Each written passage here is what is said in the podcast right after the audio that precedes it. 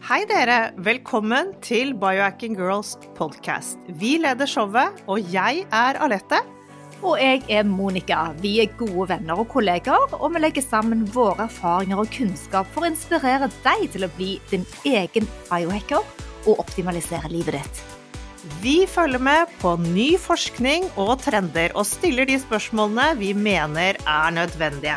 Ja, vi deler informasjon om biohacking, life coaching og fitness, og vi håper at du vil føle deg inspirert og klar til å ta et tak for å komme i den beste helsemessige form. Velkommen til Biohacking Girls podcast.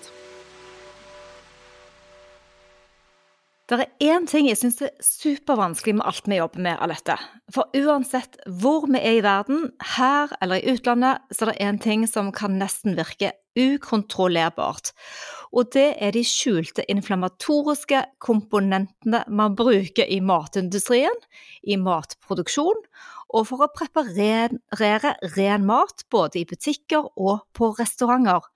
Og jeg snakker ikke om sukker, for det har blitt ganske godt vant. Vi skjønner hvor det er sukker, vi vet å finne ut av det, men det er de vegetabilske oljene. Altså bruk av soyaolje, maisolje, solsikkeolje, palmeolje, rapsolje Alle disse som blir kalt planteoljer. Jeg forstår at de fleste synes dette høres ganske sunt og bra ut. Ja, konsumet av planteoljer i maten eh, det har økt helt enormt de siste 100 årene. Og denne økningen den har gått på bekostning av andre typer fett, som f.eks. smør. Disse oljene blir fremmet som gode for hjertet, og som en bedre fettkilde enn det mettede fettet som vi finner i smør, smult og spekk. Men vi har fått øynene opp for at vi rett og slett er blitt lurt. Det er ikke sunt å spise så mye planteoljer som vi nå gjør, for den ligger skjult og lurt inn i alle utenkelige steder, og ikke minst blir ratioen mellom omega-6 og omega-3 helt feil. For ideelt sett så skal den være mellom 4 til 1 og 1 til 1. Men nå er den hos mange så høy som 20 til 1, fordi disse planteoljene inneholder altfor mye omega-6. Weston A. Price Foundation er en non-profit, skattefri charity grunnlagt i 1999 for å spre forskning og studiene som tannlege Weston A. Price gjorde på begynnelsen av 1900-tallet. Hans forskning viste at mennesker hadde helt perfekt helse i generasjon etter generasjon, kun når de spiste en næringstett diett som besto av ren mat som inneholdt de vitale, fettløselige vitaminene som bare finnes i animalsk fett. Price holdt på, som sagt, på begynnelsen av 1900-tallet. Han reiste rundt i ca. 15 år og studerte forskjellige typer mennesker. I dag skal vi finkjemme problemene rundt vårt moderne kosthold med en som har en aktiv rolle i denne Weston A. Price Foundation, nemlig Holistic Hilda. Hilda tror ikke på at god helse kommer i en smoothie eller i dyre slankeprogrammer. Hun er hellig overbevist om at vi må se til våre forgjengere for å finne nøkkelen til hvordan vi bør leve i dag. Hun er en integrativ nutrition health coach, der hun er sertifisert av Institute of Integrative Nutrition. Hilda er også en fitness professional, sertifisert av American Council of Exercise. Hilda er forfatter. Hun har faktisk skrevet bok om podcasting, så her får vi med oss en pro i dag. Og hun har jo sin egen podkast, Wise Tradition. Eh, hun er også YouTuber og biohacker. Hilda har masse, Hilda har masse energi takket være hennes ancestral livsstil og passion for solskinn og leverpostei. La oss høre Hildas historie og hvorfor hun nå gjør hva hun kan for å inspirere andre til å ta grep. Hello, Hilda. We absolutely adore you and your show and your energy. You have so much inspiration to share, and it's really nice to have you visiting us on our show. We are happy to connect with you, and we would love to hear why you ended up in this Weston Price Foundation and your lifestyle passion about everything you do. Oh my gosh, thank you so much for having me. I'm really excited. I love connecting with people in this space and wow, I don't even know where to start. I guess I can start before I was born, which sounds funny, but really my story starts there. So, when my mother was expecting me, she got exposed to the German measles, and the doctors told her, Your baby is going to be born with a serious birth defect. Um, your baby may be blind or unable to hear or speak. Uh, something serious is going to happen. And they actually suggested she stop the pregnancy altogether, but she chose not to. And I'm so thankful because, yes, I was born with a birth defect, but at least I was alive. And what happened was the doctors began to detect a heart murmur. Basically, I had a hole in my heart about the size of a dime. And so they monitored me as I was growing up and they said, you know, we have to do open heart surgery. If we don't, you're not going to live very long. I mean, they told my mother, your child will not live past 21. And so when I was nine years old, so very small, they basically cracked me open, sewed up my heart, and put me back together again. So, what did this do? It taught me so much. It taught me that life is precious and we need to honor it and make the most of it. But it also taught me that life is fragile. And so I wanted to shore up my health as best I could. After the surgery, they said, you can do anything you want. So I thought, okay, I'm going to take care of this body. I'm not going to drink. I'm not going to smoke. You know, I almost made a vow. I didn't shave my head or anything, but I was like, this is the road I want to travel. And then as I got older, I thought I want to help other people live their healthiest, best lives as well. So that's kind of how I got into this space. But did you did you decide all this when you were nine years old? That's really young. I'm impressed. well, I know I decided that I wanted to live a healthy, good life, and I committed my life to God too because I thought God save me. This could have been so much worse, and I'm so thankful. So I had a sense of divine providence over my life, if you will. Um, but no, it was when I got older that I thought, okay, how can I help everybody live healthily? Well, I want to help them you know, spiritually, but I also want to help them physically. So I started by teaching exercise classes. Actually, I was teaching them several days a week, and I thought it doesn't matter what you eat, it's all about the fitness, the physical fitness. And then I came across these wise traditions principles that helped me understand it's more than just how you move, there's so many components to well being. But uh, what kind of fitness classes did you teach? We're very curious. yes, yes. Well, it was a little bit of everything. I taught a body pump kind of class where you're just tr- strengthening and toning the muscles. I taught a dance class, so you're just moving around and having fun, you know. And then I taught like a power strength class. It was really intense movement and kind of heavy loading with a resistance training. And it was great fun and I loved it. And I think I helped a lot of people. But there were other aspects of wellness that I was overlooking. But uh, nine years old, you must have suffered a lot of anxiety or being afraid of uh, food and living and life. Have this like helped you your lifestyle? Are you over with that kind of uh, stress factors, or is it like laying inside your under underlying in your uh, subconsciousness still? That's a good question. I think I Hmm, I have to think. Now I feel like I'm in a therapy session. oh. um, but honestly, I think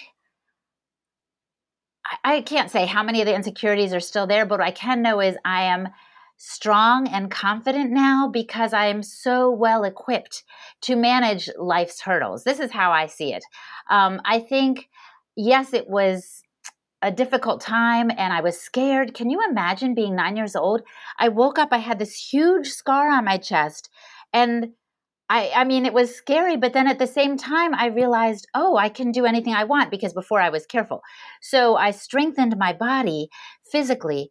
Um, as I said, I mostly worked on movement and body confidence in that way, but then I learned about nutrition, which was another tool and I just keep adding to it. That's why I go by Holistic Hilda because I realize, yes, I want to do emotional work. I'm glad you asked that question because I do want to explore what is underlying everything so that I can heal on even deeper and deeper levels. Yeah, because many people are afraid of knowing. That's why uh, some people don't like biohacking because uh, they are better off not knowing. yeah. well, they do say ignorance is bliss. That's a saying in the United States, right? But I actually prefer a phrase I've heard in recent years that says, know better, do better. I think also, as one of the philosophers of old said, a self examined or an unexamined life is not worth living because we have to keep growing. We have to keep growing in strength physically, but also emotionally and spiritually. Anything that's not growing is dying. So I embrace uh, the kind of hidden parts that I still have to explore as you were asking me. I, I embrace all kinds of growth because I know that's one of the reasons that we're here is to grow and learn. And if we stop learning, we're dying, in my opinion. I totally agree. it's the, it's the growing, absolutely. So when did you get into the Weston A. Price Foundation and his work? Well, I had a friend who was very sick. She actually had chronic fatigue when you're exhausted all the time, and doctors had no answers for her. And she was struggling so much, so she thought, well, let me start playing around with diet. She tried, I think, you know, veganism and macrobiotics and all these different diets. And eh, she was having some success, but still struggling. Some of them are very strict, as you know. And then she met the head of the Weston Price Foundation, Sally Fallon Morell, at a health fair. And she said to me, Hilda, this woman was older, but she was glowing with health. In the meantime, my friend was kind of orange because she was eating so many carrots. Like it wasn't good. And Sally, to her credit, uh, suggested just read this book. You know, she didn't comment on the fact that my friend was orange and an unusual color. she said, just read this book, Nourishing Traditions. And so that started my friend on this journey of understanding oh, the more traditional, real whole foods, the better. And people all over the world ate different diets, but they all were thriving and, and fertile and healthy and happy. And so she started adjusting her diet to be more along the lines of wise traditions and she started improving her health and she started telling me hilda what we eat matters because i thought it didn't. And then i thought of course it matters. You can't put you know say oil in a car tank and expect it to run. You have to put the gasoline the diesel fuel what's going to really help it run. So our bodies are the same way. We cannot run or maybe only for a short time can we run on pseudo as they call them franken foods we have to put in the best food possible to have the longest life and the healthiest life. So Weston A. Price, he he started out with four principles, which uh, the foundation have have. I mean, there's eleven now, or yeah. But yes. anyway, could you just explain a little bit about these principles? What are they, and uh, and also his story and his story, yes. why he started? Oh. He was a dentist. I love his story. He was a dentist, but he was also a researcher, and he would explore different ideas for good being, uh, well being, I'm saying. So, this is what he did. He was originally from Canada. He came down to the United States and he opened up a dental clinic. And he saw these children and he was like, wow, he was astounded at how unhealthy they were, to be honest. They had crowded teeth, they had cavities, they had poor behavior, they couldn't see well. And he was seeing these patients in his clinic. And at the same time, he got National Geographic magazine. And in there, he saw these beautiful tribal peoples around the world with beautiful teeth. Of course, he was a dentist. He would notice their broad faces, their lovely smiles, their good posture, all the things. And he thought, I have two questions. One, do these people really exist? Because he could hardly believe his eyes. And two, if they do, what are they eating? Because he suspected that their diet played a part in their health. So he took 10 years. It was almost like a, a touring band, you know, the, the Weston Price Road Tour. He took 10 years and traveled the world every summer with his wife Florence to explore these isolated indigenous people groups, people who had not been affected yet by the Western diet, to see what they were eating and how they were living. So he went to Switzerland and he went to Canada and he went, or Alaska rather, and he went to the South Sea Pacific Islands and Scotland and Africa. He went all over the place. And indeed, what he found was they were eating very differently. In Switzerland, it was a diet full of dairy and uh, milk and butter. And then he went to the South Sea Pacific Islands and it was seafood, a lot of seafood and tropical fruits. And in Kenya, of course, it was meat and milk from the animals and blood, and maybe a little wild fruit and honey. It was different everywhere. But so he recorded these things, what he observed in the book Nutrition and Physical Degeneration, because he was able to compare these healthy people groups with people from the same tribal group, the same race, so it didn't have to do with genetics, who had departed from their traditional food ways. And those people that had started to incorporate more westernized foods like refined sugar and flour and and poor seed oils would see a degeneration or a deterioration of their health in their generation and in subsequent generations. So he recorded all of this and he examined the food in the lab. I mean, he really went all out and he put it into this book. And so that is the basis of the Weston A. Price Foundation. They thought this is good information that we need to rediscover and explore today. And they added, as you alluded, they added more principles because they started to examine further what other commonalities did these very different diets have. And so they have 11 principles that are kind of a framework for people to eat a healthy diet and live a healthy way. Wow. So this is for everybody. Everybody can uh, follow these principles. Yes, I'm so glad you asked because some people say, well, when I have dairy, it doesn't agree with me, so I, I don't want to have any, you know, animal products or whatever it is, the, the issues that they have. I don't want to have lact, lact I forget what it is in English. I speak Spanish yeah. too. Lactose is the word in Spanish. Yeah. They don't have anything with lactose in it. Um, and that's fine. We say, use these principles as a framework and pick and choose what works for you. One of my favorite phrases these days to tell people is N equals one. And what I mean by that is study for yourself in your own life with your own health how this works for you. And at the very least, just start with principle number one, which is that no traditional people groups ate refined and denatured foods. All of the people groups who were healthy and hearty and well ate the most traditional foods that were custom the custom in their region of the world. So um, they weren't eating, yeah, prettily packaged foods or things that even say heart healthy on them or or organic or paleo. They were eating foods that didn't come in packages were single ingredient foods that they would cook in their traditional fats and they were doing so well. So yes yeah, so people can pick and choose from these 11 principles and i think even when they just try a couple they will find a new sense of energy and health so no processed food, and also about bone broth and uh, grains. So what about grains and dairy? Oh, there's so many principles to explore. Um, let's see. I'll, I will hit the bone broth one. So they did see that most traditional cultures ate nose to tail, and then when they did, they used the bones for broth. And this is important because in our world right now, cows especially are blamed for climate change, and everyone keeps saying, "Eat less meat, eat less meat." But it's not the cow, it's the how. My friend Diana Rodgers says that. It's not the cow, it's the how. It's not the animal itself, because of course there have been cows and bison and all kinds of animals all over the earth for many, many, many millennia, thousands of years, and they haven't caused, you know, climate change, so to speak.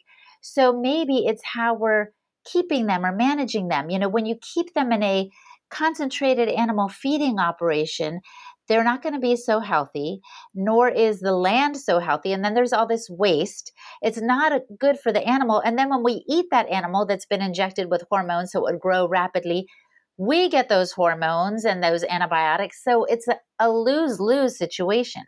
But if the animal is allowed to graze on the green grass on pasture and the animal lives a good life, he's not injected with a lot of things or she's not injected with a lot of things, and then we eat that meat, we get that same uh, vibrant health that the animal was enjoying. And as Sally Fallon Morell puts it, she says, you know what?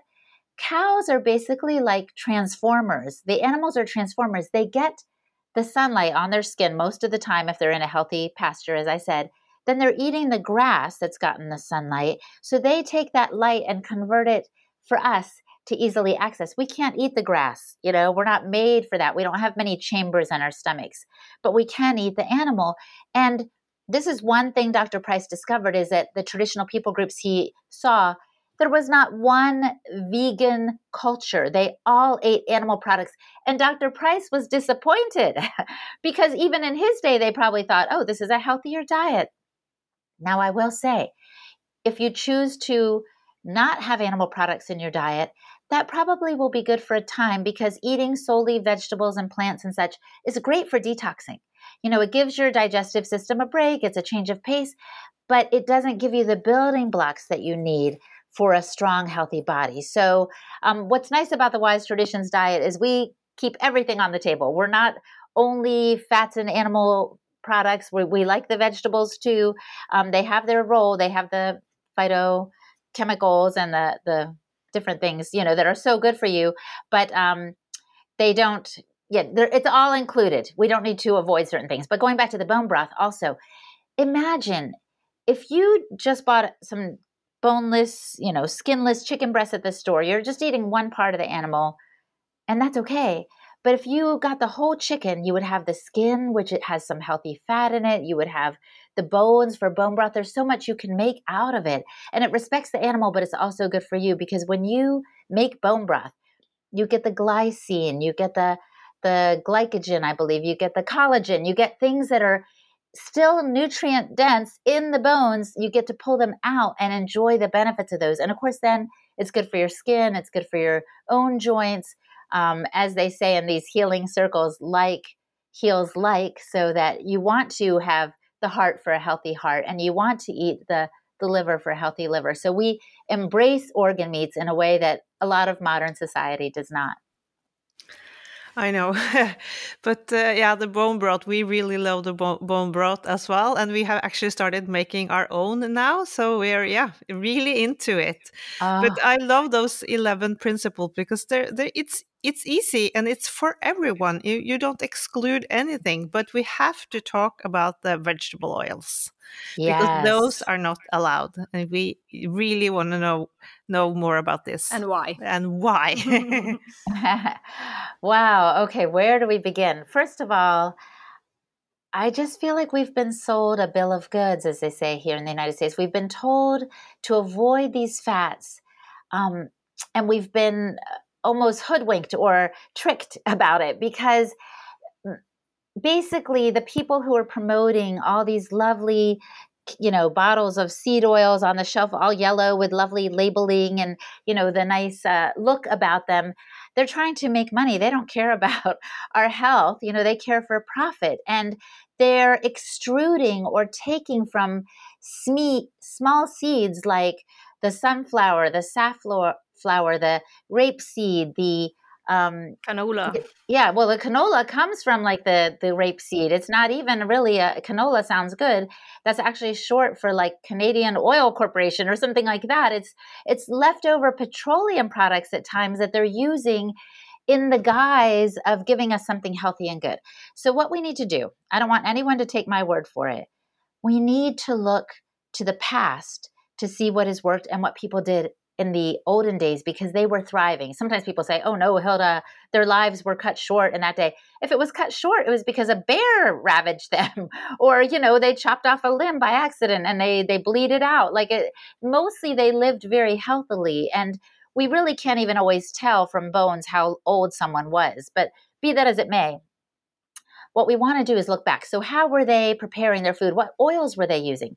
They were using the fat of the animal actually at first. So um, the fat from a pig is rendered lard, and a fat from a cow is tallow, and maybe they would use coconut oil, but they weren't getting very small seeds and trying to pull something out of it because that would have taken too long. Can you imagine?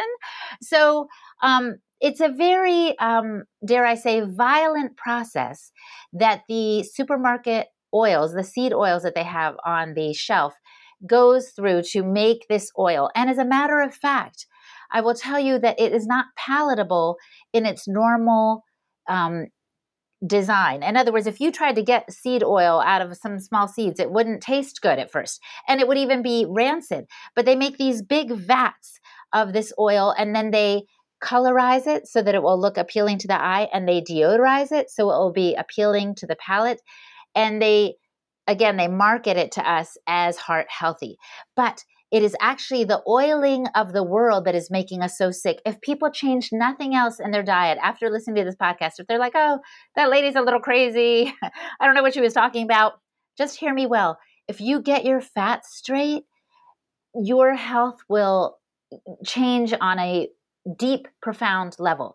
I know because I used to do everything they said. I would eat low fat. I thought, oh, and I'm not going to, you know, include animal fats. That would be the last thing I'd want to do. So I would have a breakfast of some cereal with some low fat milk and a couple of berries.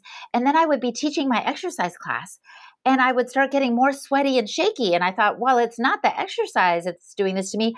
I felt my energy and my blood sugar dip. So I would grab a power bar or something and just start munching on that. And I thought, well, I guess I'm one of those people that needs to eat often. I just have this happen. No, it's because I didn't have enough of the right fats in my diet to sustain me. So I started changing my breakfast to eggs and bacon or uh, yogurt, full fat yogurt and berries. And, you know, I changed it and now I can soar till two o'clock in the afternoon, if not later, because my body has exactly what it needs for nourishment. I also have um, improved cognitive function. My skin is more smooth. And these fats are really satiating to every cell in your body, I would dare say. And I, again, people don't have to believe me. They should just try it because we've been told to avoid it because that makes more money, not only for the people selling the oils, but for the sick care system. At least in the United States, they only make money if we're sick and in a hospital bed or taking the perpetual drugs they put us on. Um, so yeah, I, I'm not going in that direction. And I will tell you one quick more story. So I saw a doctor not too long ago, just because now and then I want to get a checkup. I mean, I was I'm totally fine. As a matter of fact, the doctor kept looking at her little sheet of paper and then she would look up at me and she would look down and she would look up at me and I was like, "What?" She couldn't believe my age. She was like, "You she didn't say it, but I could tell she was just like, You're how old? No, like it couldn't be because I look so young. It's not because I use the right creams, it's because I'm healthy from the inside out, because the bone broth and the fats are nourishing me and plumping up my cells. She was shocked. But then she said to me, Get this, she said, Your cholesterol's a little high. You need to change your diet. She handed me a piece of paper that said I should eat all these low fat things. And, and I, I don't know if I told her afterwards, but I crumpled up that paper and threw it in the waste bin because I thought she couldn't put two and two together, but I can. I'm healthy, probably the healthiest person she's seen in months. And she's telling me to change my diet. You know why? Because the doctors don't study nutrition in medical school. They maybe spend you know maybe 12 hours over years of study on nutrition so they don't make that connection and it's unfortunate but we can explore the possibilities and try things out. So when I switched to real butter, one year I was like, this is my year of butter. It was like the Chinese calendar, the year of the dragon, the year of the fox. I was like, this is my year of butter. I'm changing. My family was so thankful, and so was I. So, unfortunately, this is the average message a lot of our clients too get from uh, their medical doctor because they haven't studied nutrition. And but I just wonder, um, because we are a society we are fat anxious we are considering our weight all the time we want diet products mm-hmm. what is your take on that with fat adding fat eating uh, fat from the proteins that we eat and not gaining weight yes that's a great question i think um, we are fat phobic yeah. um, but at least in the us for many many years they said fat makes you fat and because it it rhymes. People thought it was true. But when we started lowering our increase of animal products and fats, at least in the United States, obesity went up. You know, so again, you just need to observe and apply. Um, what I've found is the more fat I ingested, the more satiated I was, and I didn't gain weight. The opposite happens. It is actually those oils and all those processed foods that are making us fat. And the thing is, someone might think, oh, I just don't have your willpower, Monica. You know, they might say, I don't, I can't, you know, I just snack late at night. It's not a question of willpower. They make those processed packaged foods hyper palatable. They, in other words, they make it, they design it in a lab with the flavoring so that you can't stop and it has those oils. So you're doing your body so much damage, but your body thinks, oh, this tastes like cheese. So maybe the cheese is coming. So keep going, keep going because your body's desperate for it. And you keep going and it never gets what it wants. So then you want to eat something else. but I have found that it will satisfy you deeply and it kind of crowds out the other foods. Um, you know, I would like I like something sweet. I think God has made us in such a way that we want berries and fruits like our we want that. But I'm telling you, I don't crave it. I don't really crave it because it's crowded out by the food that deeply nourishes me. This is such a satisfying way to live and it's not something modern. I'm not trying to sell you something. I don't have anything to sell. I haven't written my book yet, you know. This is this is nothing like that. It is something that has stood the test of time and I think it really is important to look back and see that we're eating foods that our grandparents would recognize as food. And it will be satisfying also in that way because it connects us to a long line of people who have walked this earth before us with wisdom that we're just starting to tap into. So we received an email from a lady. She's a supermodel. She runs a supermodel agency, and she can share that a lot of the young models these days have cellulites. And we also heard on another podcast that kids down to 9, 10, 11 years old, they they they come with cellulites and it's probably because of the vegetable oils. And this is also a very yeah, preoccupation uh, for us, yes. I understand and again, I want to say I don't think we can reverse this from the outside in. Like I have a friend who has eczema, which is different than cellulite, obviously, but you see something popping up on your skin and you think, oh, I better get a cream for it. And that's exactly what the doctors will give you. But sometimes in the doctor's offices, and I have family members who are doctors, so I'm not trying to be mean, but it becomes a little bit like paint by numbers. You have this condition, you need this pill. Oh, that pill didn't work. Let me give you another pill. And I, God bless them. They're doing the best they can trying to help you, but it's often an external solution.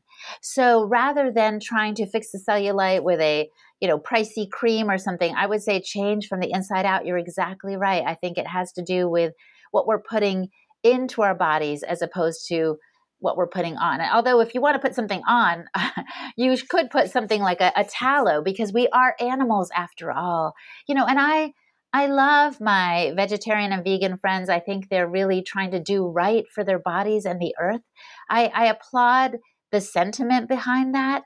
Um, but we were designed, we function best on animal products. And that's what Dr. Price found as well. He, again, he was disappointed when he found that they were eating animal products, but he saw that they were functioning so well. And I think if you just test it out, you know, you'll see how good it is. As you all know, probably there have been some models and some influencers on YouTube who have rejected the vegan diet, even though they were on it for a while, because their body needed meat or animal products. And those are the most nutrient dense. Principle number three of the Wise Traditions diet is one of nutrient density. As I said earlier, Dr. Price would take samples of the food and ship them back to his lab in Ohio for analysis. And he found in the 1930s that the diets of the traditional peoples eating these whole real foods were four times as nutrient dense in the fat soluble vitamins and minerals and 10 times as nutrient dense in the fat soluble ones. So, or maybe it was the water soluble and now it's the fat soluble. But what I'm trying to say is they included a lot of foods that were nourishing them deeply. Now, sometimes we want a big buffet and, you know, we want more instead of less but that's more nutrient dense. That's why in the pricey restaurants you'll get a small serving, but it's better for you, you know? So that's the idea. So animal products that provide uh, fat soluble vitamins like A, D, E, and K are found in eggs, in fish eggs, in organ meats. Um, yeah, you want the uh, cheeses and such, these things that are very nutrient dense. And again, you can crowd out the poorer nutrient or nutrient poor foods. And fermented foods too. That's uh, oh yes, thank you for mentioning those. Yes, that's one of the principles that the Weston Price Foundation explored and found everywhere across the planet people eat fermented foods. In in my region of the world where my parents are from, it was curtido, so like a a cabbage, uh, tomato mix. But basically, it is taking vegetables and uh, giving them some time and some uh, acidity and warmth, and allowing them to do their magic, as people say. And so it was a way of preserving the food but it also makes the food um, more uh, the nutrients more bioavailable so you get more out of it. And they're full of active enzymes so when you eat for example as they do in germany you know a sauerkraut or a bratwurst with uh, yeah together the meat and the ferments it makes it easier to digest the meat. So it's like a perfect combination and in today's day and age we hardly have at least in the united states fermented foods in our diet. So they're a lovely lovely complement that are good for your gut bacteria as well. Because um, um, uh, Monica and I, we have uh, developed, or what what do you call it, uh, an omega three oil because we're very into that, and I know that's one of the principles. So, um, what's the best way, in your opinion, to get your omega threes met? Oh, that's a great question. I think that is one of the principles I used to always scratch my head over. I was like, I don't understand. Some of them are simple. Yes, like eat fermented foods, properly prepare your grains, which we can talk about next if you want. You know, um, no denatured or refined foods. But the omega 3 and the omega 6 essential fatty acids balance, I was like, how can I do that? I don't even know what that means.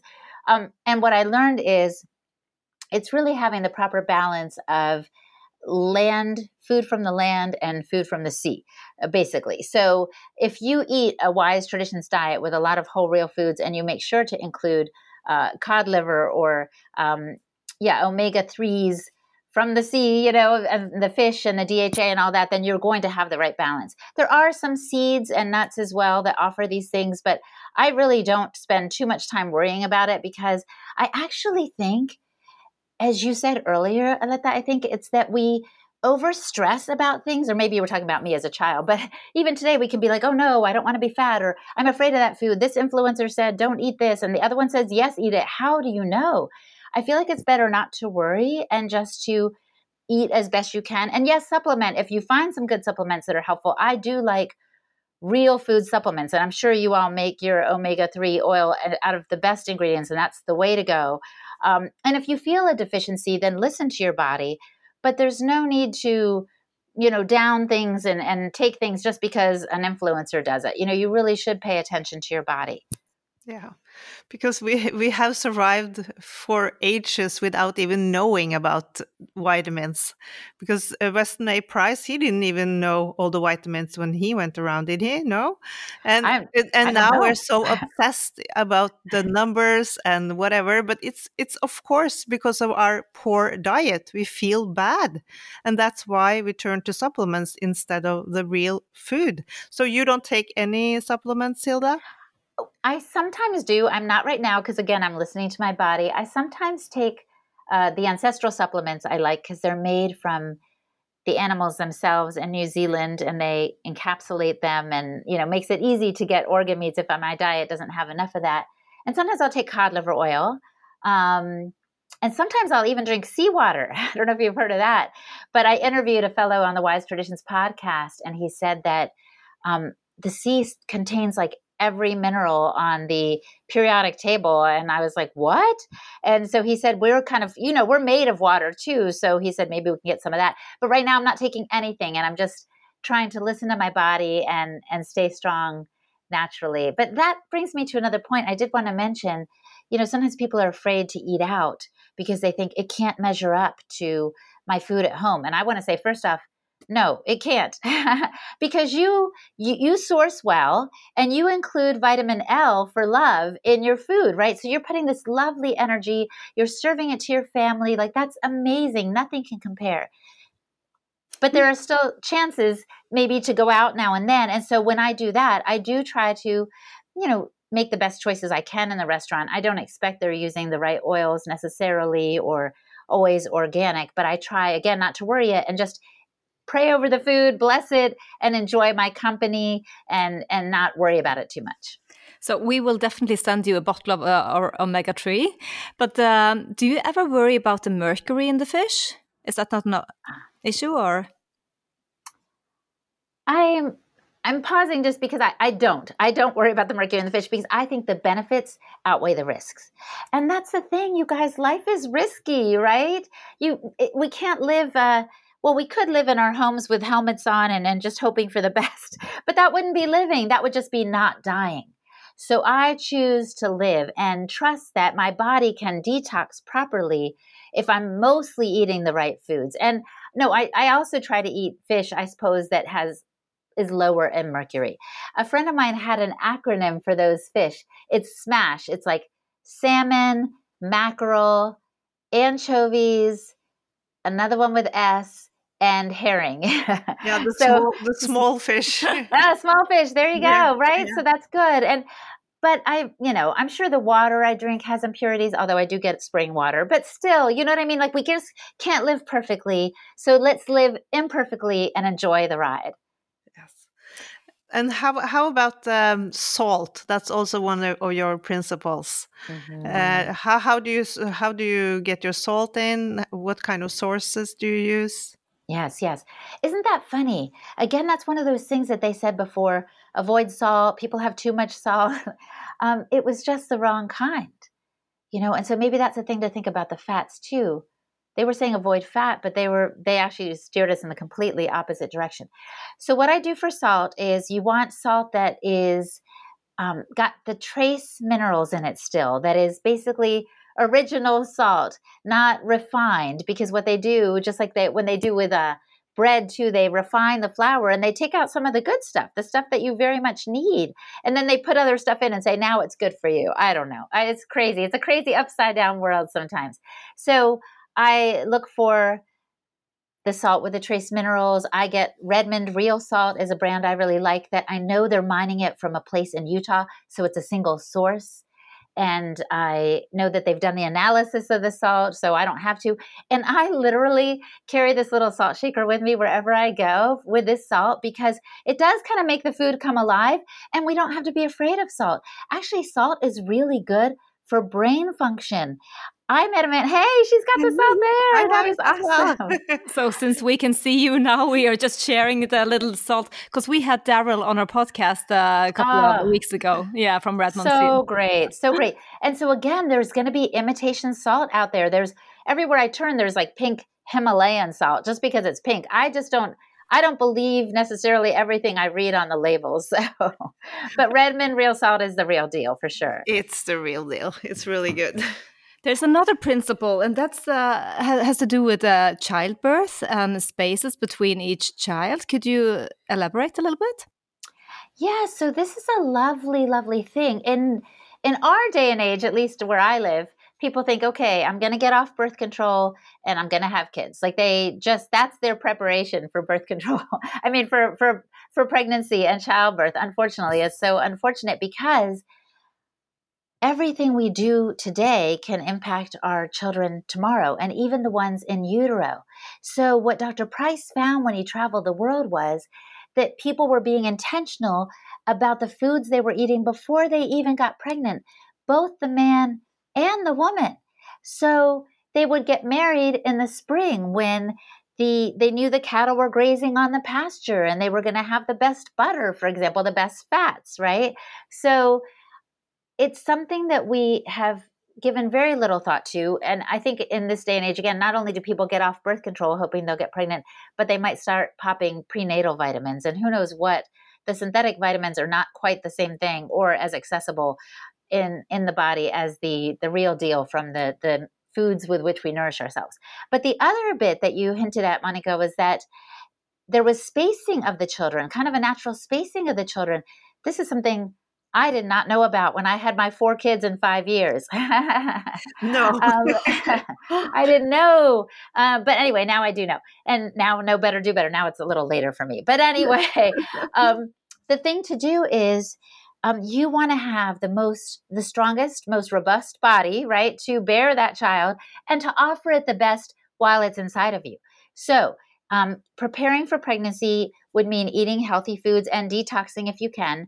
And then while the baby's in your utero, excuse me, eating the best foods again, nourishing yourself as best you can. But then, yes, um, while you're lactating, while you're breastfeeding, to just have you and the baby that you're caring for. And so they suggest the spacing of three years. This is something Dr. Price observed in the different cultures. Um, I think Sally Fallon Morell told me in some cultures where the men would have many wives, the woman would just wear a necklace around her neck to indicate, I'm off limits for a time I kind of wish I had one of those sometimes. But anyway. Don't tell my husband. But anyway, off limits. Um, but so they did that so that they could naturally space those babies. And then the mother has time to recoup her energy and her strength and her her stores, if you will, so that they have an optimal, she would have an optimal place for the baby to grow again. So that's the optimal. Again, we live in a world where we, you know, have different things happen and stuff like this. But I can say this there are a lot of things that interfere with our hormonal function that we need to be wary of, um, especially if we want to get pregnant. I would avoid, um, well, birth control is a hormone disruptor because the pill, if you're on that, um, changes your hormones uh, uh, by giving you additional estrogen, I think it is. So that can really throw things out of whack. Even when you're off it, you've got to recover. So you have to leave space for that if you're going to get off of the pill. Um, but the other thing is plastics can be estrogenic and uh, sunscreen. So there's a lot of stuff out there. I just invite people, again, not to freak out about it, but just take incremental steps to make changes. And so the first thing would be to pay attention to how your body is right now. And if you're on birth control, what kind, and if it could have some side effects that you want to avoid. Since you brought up your kids, we are just curious also about the food challenges. we suppose they're in school and they meet a lot of um, yeah things to uh, they offer like candies and french fries. How do you solve that? Because we need some inspiration too to find solutions for our kids. Yes. Oh my gosh i'm glad you asked that because it's a real a real world problem right? Especially when we're so careful at home. Um my thinking on this is when you offer the best the rest pales in comparison.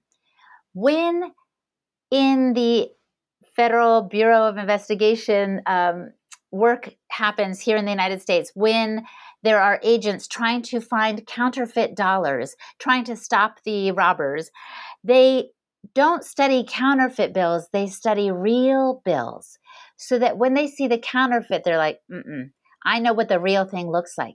So this has been my strategy, Monica, with my kids is to give them such good food that the rest tastes so bad.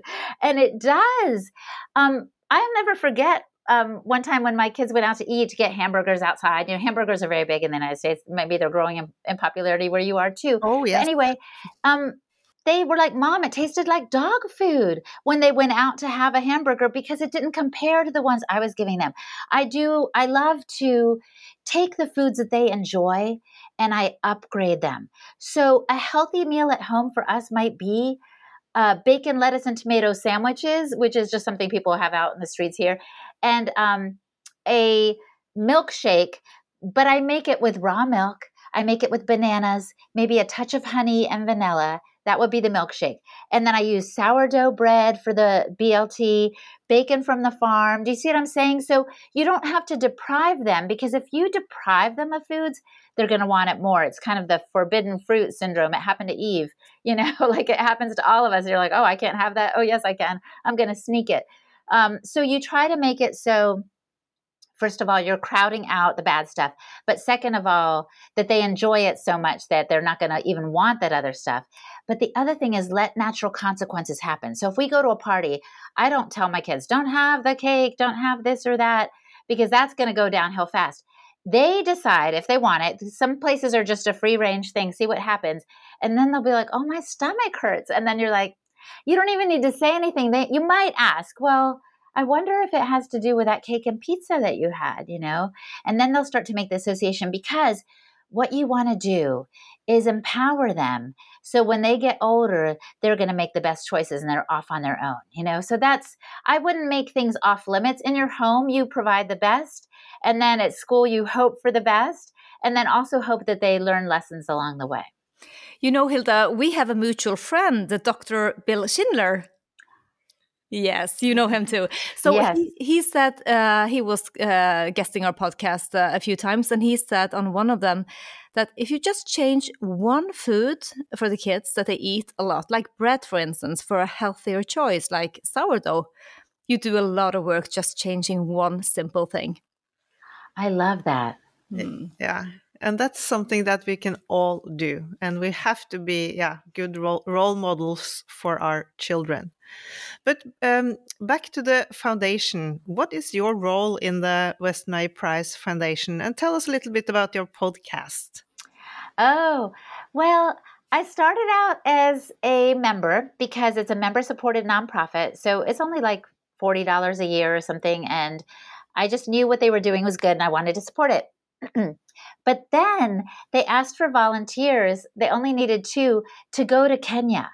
And they said a Maasai warrior contacted them and said, please send someone over. We're all getting sick. He said, I have diabetes. My wife has asthma. He had somehow gotten a hold of brochures and information from the foundation, and he saw that it was true with his own eyes in his own village. Um, he saw that they were drinking sodas and chai tea and things that weren't naturally a part of their diet. And in his own family, he saw how his younger daughter, when they started to change their diet, got the crowded teeth and the problems that his older children did not have.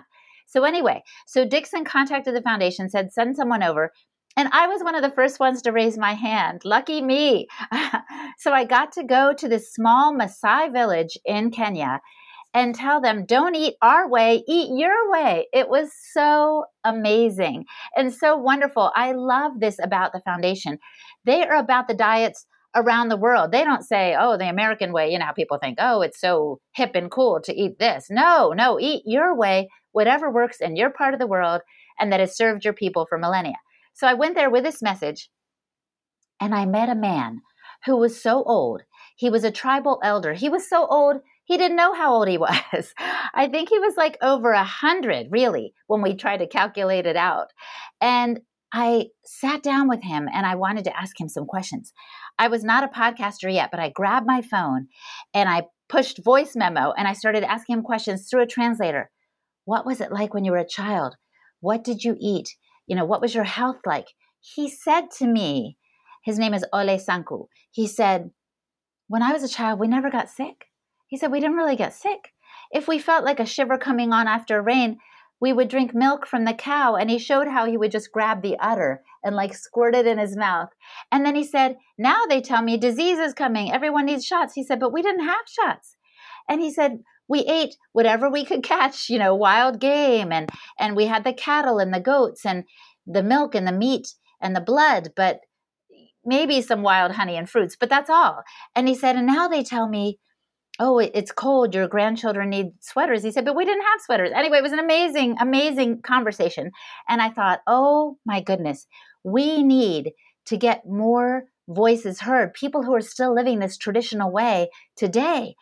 So when I returned from the trip, I asked Sally if I could start a show.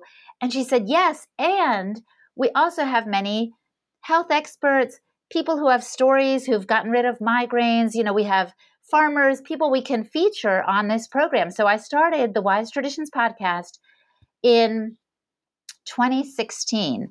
And I had never had a podcast before. I didn't have a microphone, but I was like, okay, they said I could do it. I'm going to get a book. I'm going to get a microphone. I'm going to do it.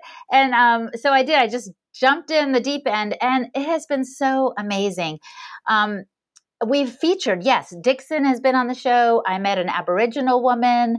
Um, you know i went to peru and i interviewed some people. And so it's been a mix of people still living ancestrally today but then also some experts you know quote unquote people who have uh, found treatments that are alternative health ways of improving health. And so i just i've loved it. And i have the privilege of sitting in the front row seat in this kind of alternative health ancestral living 101 class you know every week and it's just been marvelous. So as you know you get to meet the most wonderful people. I met dr bill schindler. I've interviewed him and even people who talk a little bit and we haven't discussed this much today but about mindset and emotions and their role in well-being. It's just been fantastic and i'm so thankful for it. So what do i do for the foundation? I, I do the podcast primarily and i have a sister show in spanish and i have to get back on the horse there and get those shows out too. It's just a lot to put out a show, as you know. Wow. So you do shows in Spanish as well?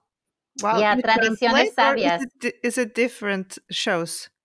it's um it's not the same people because they only speak English. So I ha- I feature other people, but um, I interviewed someone recently, and I'm going to put this one out about meat, for example, and how good it is for you, even though it's getting a bad reputation. And I interviewed someone on dirt the importance of getting dirty and getting in the soil and how that's so good for our microbiome. And it's it's been fascinating. So yes i'm i'm thankful for being able to do that too to the degree i can. That one's only out in seasons.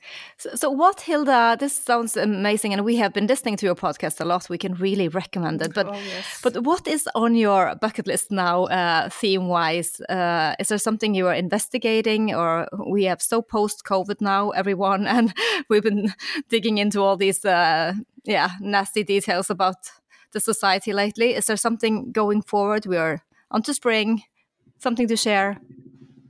Yes, and Monica, your question really moves me because I think a lesson I've learned from the podcast, but just the past few years we've had, is that we are all more powerful than we may have ever realized. We are more capable and strong and beautiful than we've been told or led to believe. And I'm using these words carefully because I don't understand it all. And I feel like I'm just on the edge of exploring what I don't yet know. But I think there's just a lot more potential and strength in us than we've been told. And so uh, when we believe lies about ourselves, like, oh, I'm, I'm not good at math or I, I'm not as beautiful as that person, we are kind of uh, underestimating what we are capable of. And so I have begun to incorporate, thanks to Dr. Bruce Lipton and Pete Evans from Australia and Luke Storey and others I've interviewed on the podcast, I've begun to incorporate some affirmations every day to remind myself of who I am. And I've always had faith in God, but even more than that, like, I don't want to say more than that, but kind of a grounding of identity. Whether you believe in God or not, to say, you know, I am optimistic and happy. That's something I say every day. I also say, I, I make, and I don't want to give it all away of what I say, but I say things like, I make a tremendous impact on the world and um, the world is transformed by love and light. You know, I say things like this, and the more I say it, the more it becomes true. So I almost, would I dare say, we are kind of co creators of our reality. If I say, it's a horrible day and I'm mad at this person. Well, it's a horrible day and I'm mad at that person. But I don't think that helps the energy of the people around me or myself. So I'd rather say, it's a good day and I'm going to be curious about why I'm, you know, irritated by that person. I might still be irritated by them.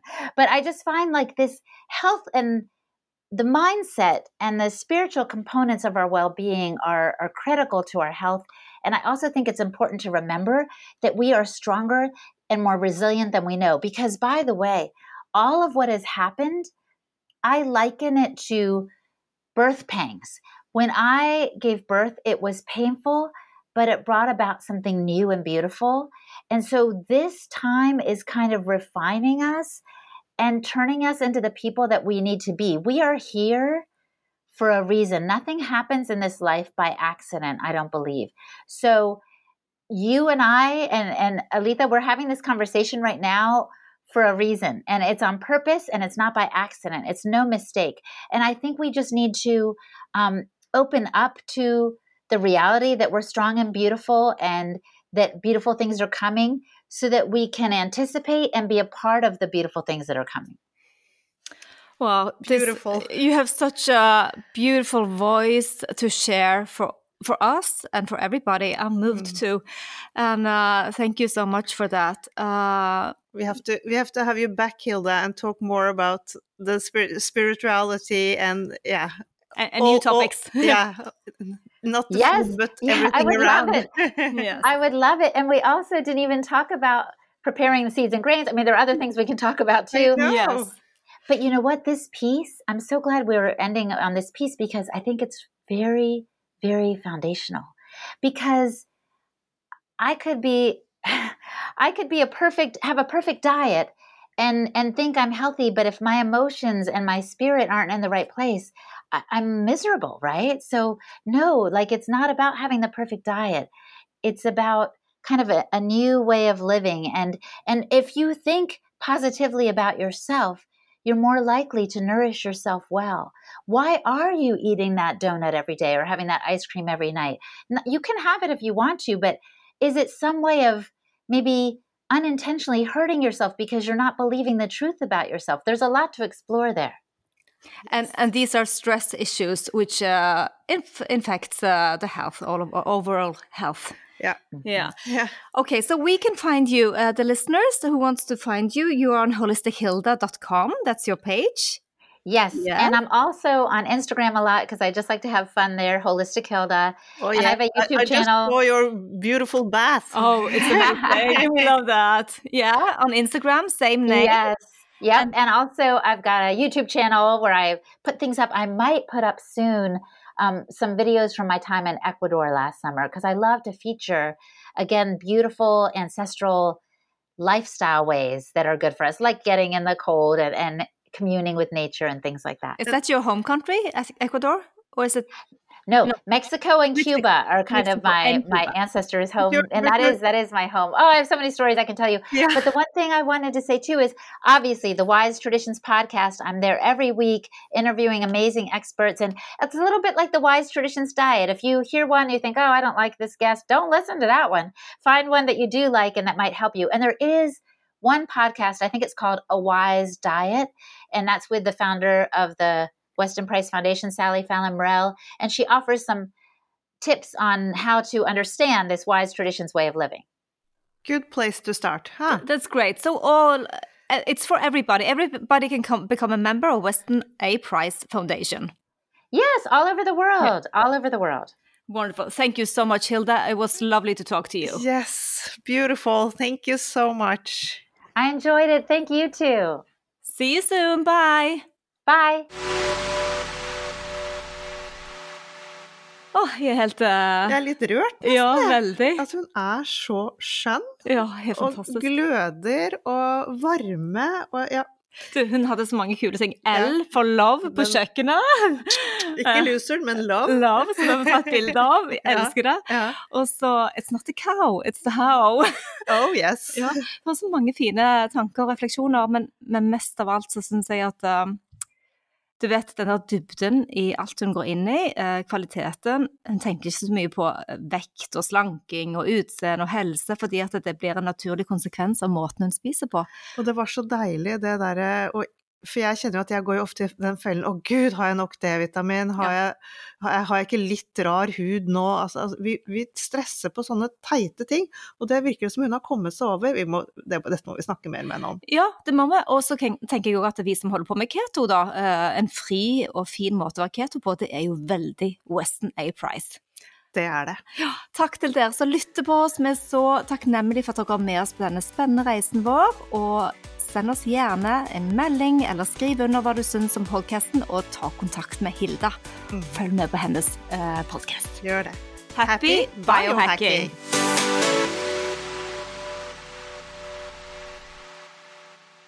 Vi minner om at dere må snakke med egen lege eller kostholdsveileder om dietter og andre spørsmål relatert til medisiner og supplementer. Informasjon vi deler kan ikke bli brukt til å diagnostisere, behandle, forebygge eller kurere noen sykdommer eller tilstander.